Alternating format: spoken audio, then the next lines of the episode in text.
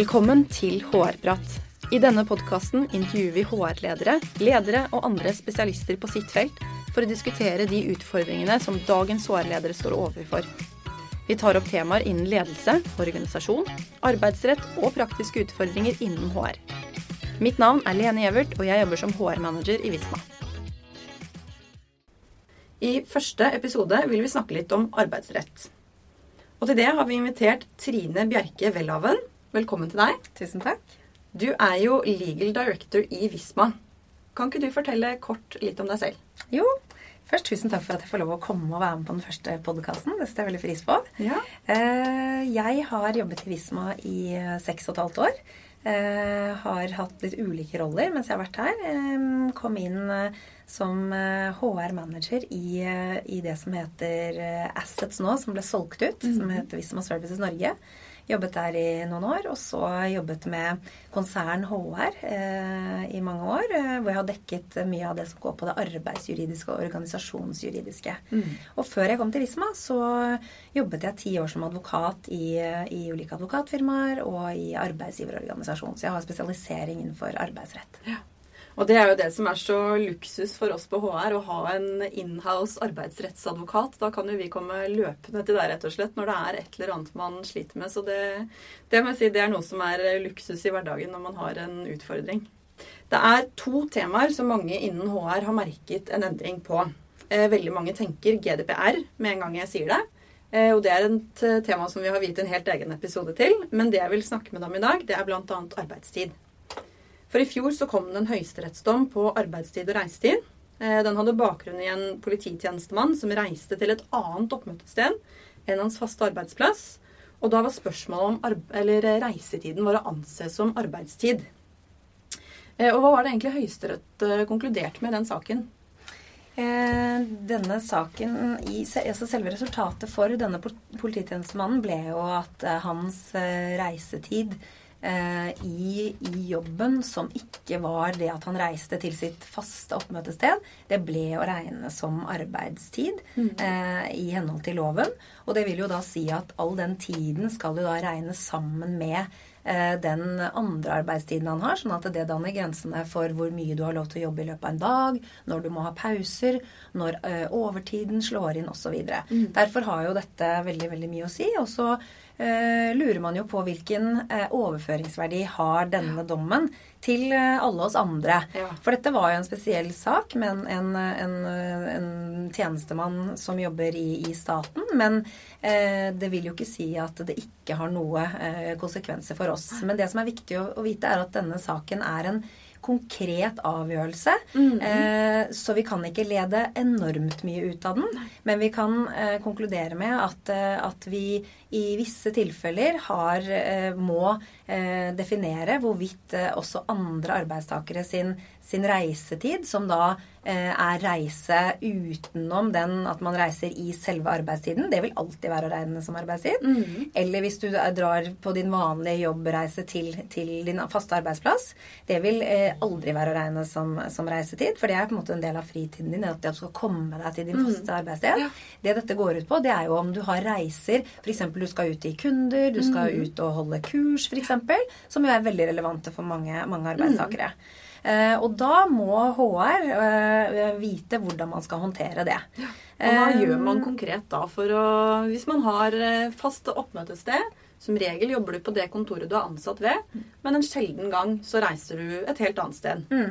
Og da er det jo det vi kan lede ut av den dommen, er at da vil det, dersom eh, enkelte vilkår er oppfylt, så vil man eh, kunne regne det som, som, en del av arbeidstiden. Ja.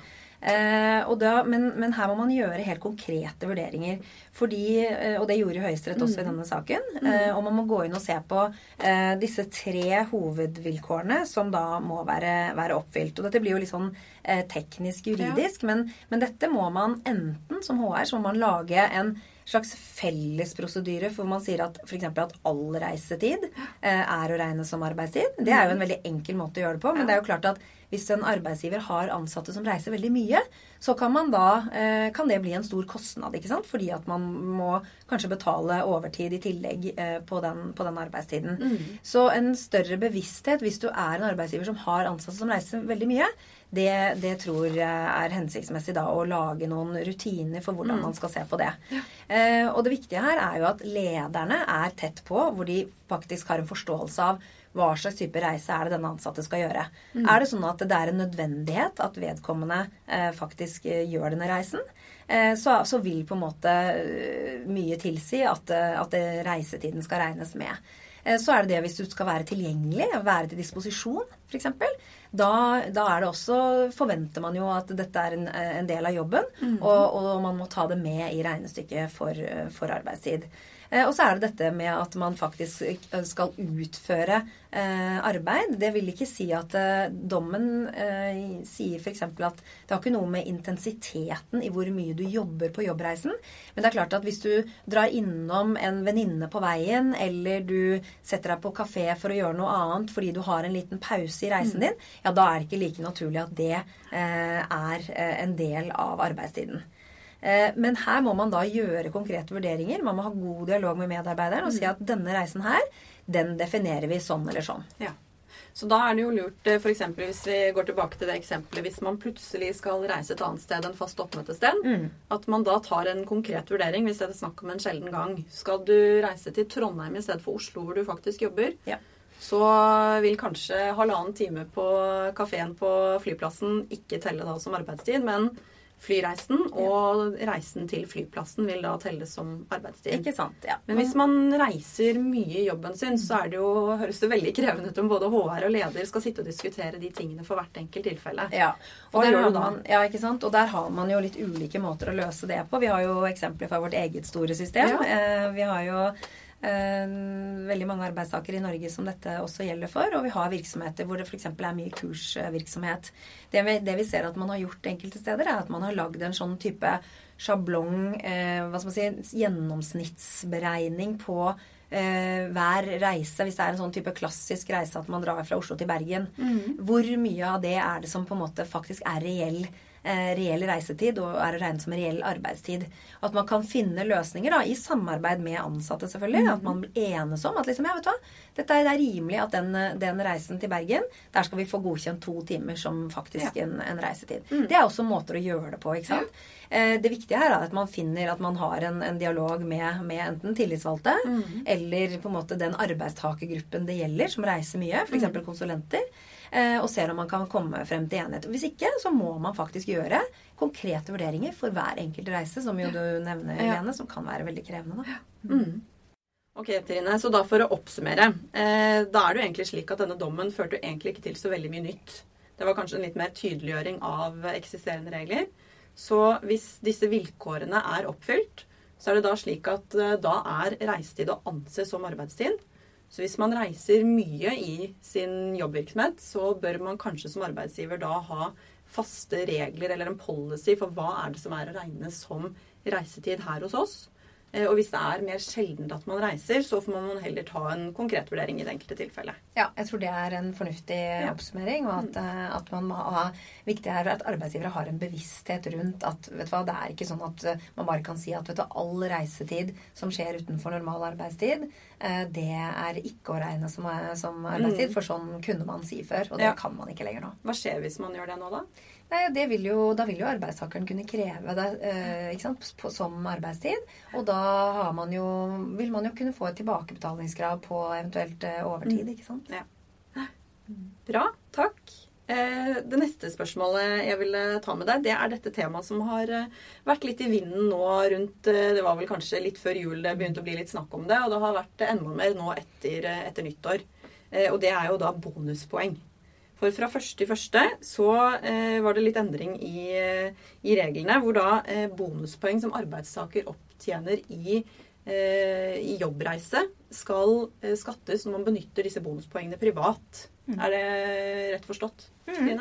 Ja, i, i, utgangspunktet så er det jo det. Og, og det er jo dette med ø, opptjening av uh, særlig bonuspenger i mm. forbindelse med flyreiser, som man gjør i jobbsammenheng. Og så kan, kan man da uh, ta ut disse poengene også og bruke dem til, privatreiser. Det er jo det som har fått mest fokus. Ja. Er, ja, for det er egentlig et godt poeng. For det er jo ikke bare fly og hotell og reisebonus. Er det det det er snakk om? Det er vel mange andre ting arbeidstaker kan tjene opp, er det ikke det? Absolutt. Og det er jo sant, alle fordeler som ansatte får via sitt arbeidsforhold. Enten det er direkte fra arbeidsgiver fordi man f.eks. gjør et utlegg på en reise, sånn som dette mm. vi snakker om, eller hvis man får andre fordeler, altså fordelsprogrammer f.eks. For i selskapet som du får i kraft av å være arbeidstaker, mm. så er det en fordel vunnet ved arbeid.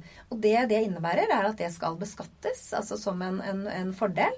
Og det skal også betales arbeidsgiveravgift av. Ja. Um, og det som i utgangspunktet, som kanskje er litt misforstått i media, for det ble jo veldig mye snakk om dette, som du sier, ja. særlig før jul, mm. det er jo at dette er jo ikke noe nytt. Nei. man har jo alltid skullet innberette fordeler man, man vinner ved arbeid. Mm. Men hvorfor um, har dette da blitt så mye snakk om nå? Ja, ikke sant? Det er fordi at nå har uh, myndighetene da flyttet dette ansvaret over på arbeidsgivere. At man sier at eh, nå er det arbeidsgiverne som skal innberette dette og sørge for at det blir innberettet. Og det ansvaret har ikke ligget på oss som arbeidsgivere før. Og det er jo en, en stor overgang, og det innebærer jo at man er nødt til å lage gode interne rutiner for mm. hvordan dette skal håndteres. Noen velger jo den kjempestrenge linjen. Eh, sånn som eh, statlige virksomheter gjør. Det er at, alle, at man ikke har lov til å bruke noen bonuspoeng opparbeidet i jobb i, til, privat, eh, til, private formål. Mm. Det er et total forbud, rett og slett. Og da er det jo lettere å håndheve hvis det skulle bli eh, ikke akseptert. ikke sant? Eh, men, eh, men, alternativet er jo at man, man tillater det. Det er jo lov. Mm. Men da må man skape rutiner for hvordan det innberettes. Hvordan skal arbeidstakerne da, både i forhold til verdsettelsesverdi, hva er det egentlig, hva er denne reisen f.eks. egentlig verdt? Mm. Eh, og, og, og, hvordan skal det da eh, innrapporteres? Og det er jo, kan jo være altså man, Disse reglene har jo blitt kritisert fordi at dette er liksom umulig for arbeidsgivere å følge opp. Eh, så derfor er det en litt sånn håpløs eh, regel. Og det er jo ikke sikkert at eh, lovgiver her har helt tenkt på hvilke praktiske konsekvenser dette vil gi, da. Nei, for det er jo litt det jeg tror veldig mange HR-folk eller mange ledere og virksomheter generelt mm. sitter med nå, er at mm. hvordan i all verden skal man faktisk følge opp dette i praksis? Mm. For det er vel ikke slik at som arbeidsgiver så kan man kreve innsyn i ansattes opptjening av bonuspoeng og hvordan man bruker de bonuspoengene heller? Nei, ikke sant. Så dette er jo basert på tillit. At, ja. at man, man da stole på at ansatte da, når det er lovlig i virksomheten å faktisk benytte disse eh, poengene eh, til private formål, at de faktisk selv da innberetter dette som en fordel, og, og, og blir da trukket skatt av det. Um, så, så, dette er en, en, en tillitsbasert uh, ordning uh, sånn sett. Mm. Og derfor velger mange uh, totalt forbud fordi de mener at det blir administrativt for vanskelig å følge opp det. Ja, og det er jo helt åpenlyst et krevende regelverk mm. å følge for arbeidsgivere. Hvilke mm. råd vil du ja, altså hvilke råd vil du gi til de der ute som hører på? Ja, jeg tror det, har litt, eh, det, er, det er nesten litt vanskelig å gi ett generelt råd. fordi ja. at vi har jo, vi i Visma har jo valgt én måte å gjøre dette på. Det vil, vil jo ikke si at den skal gjelde Eh, er like relevant for andre virksomheter. Det kommer mm. veldig an på hvor store er man, hvor mange arbeidstakere har man å, å, holde styr på i forhold til dette. Mm. Eh, er man veldig små, så kanskje det ikke er så vanskelig å, å, å, ha kontroll på det. Men sånn som mm. vi som er så veldig, veldig mange mennesker, vi har jo da valgt å ha retningslinjer som vi har da nedfelt i personalhåndbok og på intranettet. Veldig, veldig synlig, for det er jo vårt ansvar da som arbeidsgiver å gjøre alle ansatte oppmerksom på at uh, vår regel da, som mm. interne regel, er at uh, man ikke skal kunne ta ut dette til private formål. Mm. Men vi vil jo gjerne at man bruker det til nye jobbreiser. Mm. For det vil jo da være en økonomisk fordel igjen. ikke sant? Så mm. det vil, man, vil jeg jo anbefale at arbeidsgivere som, som, gir et forbud, vil på en måte likevel oppfordre til at det brukes uh, i jobbsammenheng. Ja. Og da er det jo litt lettere for arbeidsgiver å forholde seg til denne endringen i regelverket. Mm det som er synd, er jo at dette har jo vært opplevd som et litt sånn hyggelig gode. Som la oss si ansatte som reiser veldig veldig mye i jobben, er mye borte fra familie ja. f.eks. Og så har man ønsket at vet du hva, veldig hyggelig om du kan ta med deg familien din på en helg til København fordi de flybillettene dekker det. Mm. Det, det er en hyggelig gest. ikke sant? Ja. Og så har man ikke på en måte gjort noe mer ut av det. Men eh, det går ikke lenger. Nei. Mm. Nei, og det er jo selvfølgelig leit, men, mm. men, det er et krevende regelverk. Så, så, jeg skjønner da at ditt tips er jo egentlig at om man velger den ene eller andre veien, så er det viktigste i hvert fall at man er tydelig med informasjonen, i og med at ansvaret nå er flyttet over til arbeidsgiver. Riktig. Mm. Bra. Eh, da tror jeg det er på tide at vi tar og runder av denne episoden. Eh, vi har jo nå vært litt inn på konkret, en konkret dom, og vi har vært inn på én konkret litt endring, justering, i, i lovverket. Eh, men du kommer helt klart til å bli invitert tilbake, Trine. Vi må jo bruke deg også til disse problemstillingene som ofte dukker opp som HR virkelig trenger juridisk bistand til. Om det er ansatte som ikke presterer, eller andre ting som ofte kan være litt mer sånn eh, konfliktfylt, kan vi si. Mm, eh, mm. Så det kommer du til å få en invitasjon tilbake med. Ja. Så jeg må bare si tusen hjertelig takk for at du stilte i første episoden. Tusen takk for at du fikk lov å være med. Jeg kommer gjerne igjen. Hvis du har temaer eller spørsmål du ønsker vi skal diskutere, send oss gjerne en mail på hrprat.visma.com. Og for flere episoder, sjekk ut visma.no slash podkast slash hrprat.